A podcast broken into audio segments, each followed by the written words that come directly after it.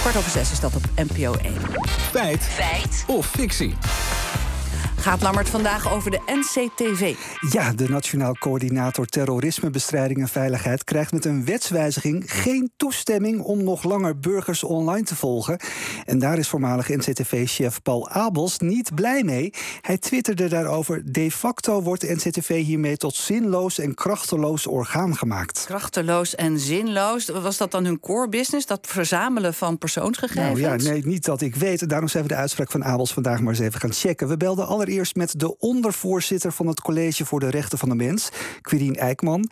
Zij legt uit dat de NCTV is opgericht toen de terroristische dreiging toenam. Toen realiseerde het ministerie van Veiligheid en Justitie en natuurlijk ook Binnenlandse Zaken dat ze meer moesten qua nou, het coördineren van allerlei informatie van overheidsdiensten die bezig waren met terrorismebestrijding. En dat konden ze dan bewerken en die informatie delen, bijvoorbeeld met gemeentes. Ja, coördineren, informatie uitwisselen, die taken zijn die altijd hetzelfde gebleven? Nee, want het valt terrorisme-expert Renske van der Veer op dat ze de grenzen een beetje zijn gaan oprekken. Wat ik in ieder geval ook zelf wel heb gezien, is dat de NCTV andere en ook wel meer dingen is gaan doen. Dat de NCTV uh, zich bezig heeft gehouden, inderdaad ook echt wel met die dreiging duiden. Uh, dat is ook wel verkeerd gegaan. Hè? Ze zijn best wel grenzen overgegaan, daar kunnen we eerlijk over zijn. En sommige dingen zijn niet rechtmatig gebleken daarin. Ja, langzaam groeide het takenpakket van de NCTV en begonnen ze zich dus ook bezig te houden met het analyseren van terrorisme.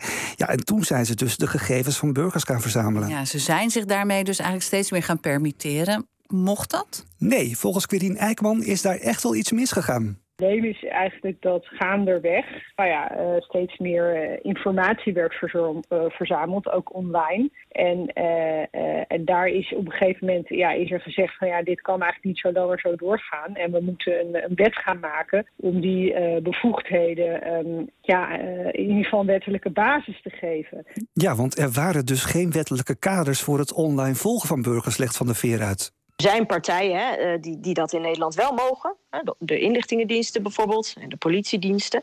Maar die mogen dat ook niet zomaar. Die mogen dat alleen maar binnen hele strenge wettelijke kaders. En die wettelijke kaders die, zor die, die zorgen ervoor, die zitten vol met checks en balances. Zodat uh, eventueel uh, de inbreuk die dat maakt hè, op mensen hun rechten en op mensen hun privacy, dat dat alleen maar gebeurt als er echt dreiging is en als die dreiging dan ook nog groot genoeg is om die inbreuk echt te legitimeren. Nou, de kogel is nu door de kerk. Ze krijgen geen toestemming voor het online volgen van burgers. Maar kunnen ze dan nog wel hun werk doen? Nou, laten we die tweet van Paul Abels maar eens even voorleggen aan Renske van der Veer. Wordt de NCTV zinloos en krachteloos gemaakt door die wetswijziging? Ik las ook uh, inderdaad een tweet waarin werd gesteld: hè, het wordt een tandeloze tijger of iets dergelijks. Dat is natuurlijk hetzelfde, een beetje.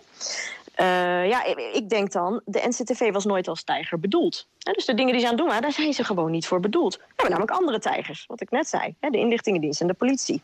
Die hebben de wettelijke kaders, et cetera.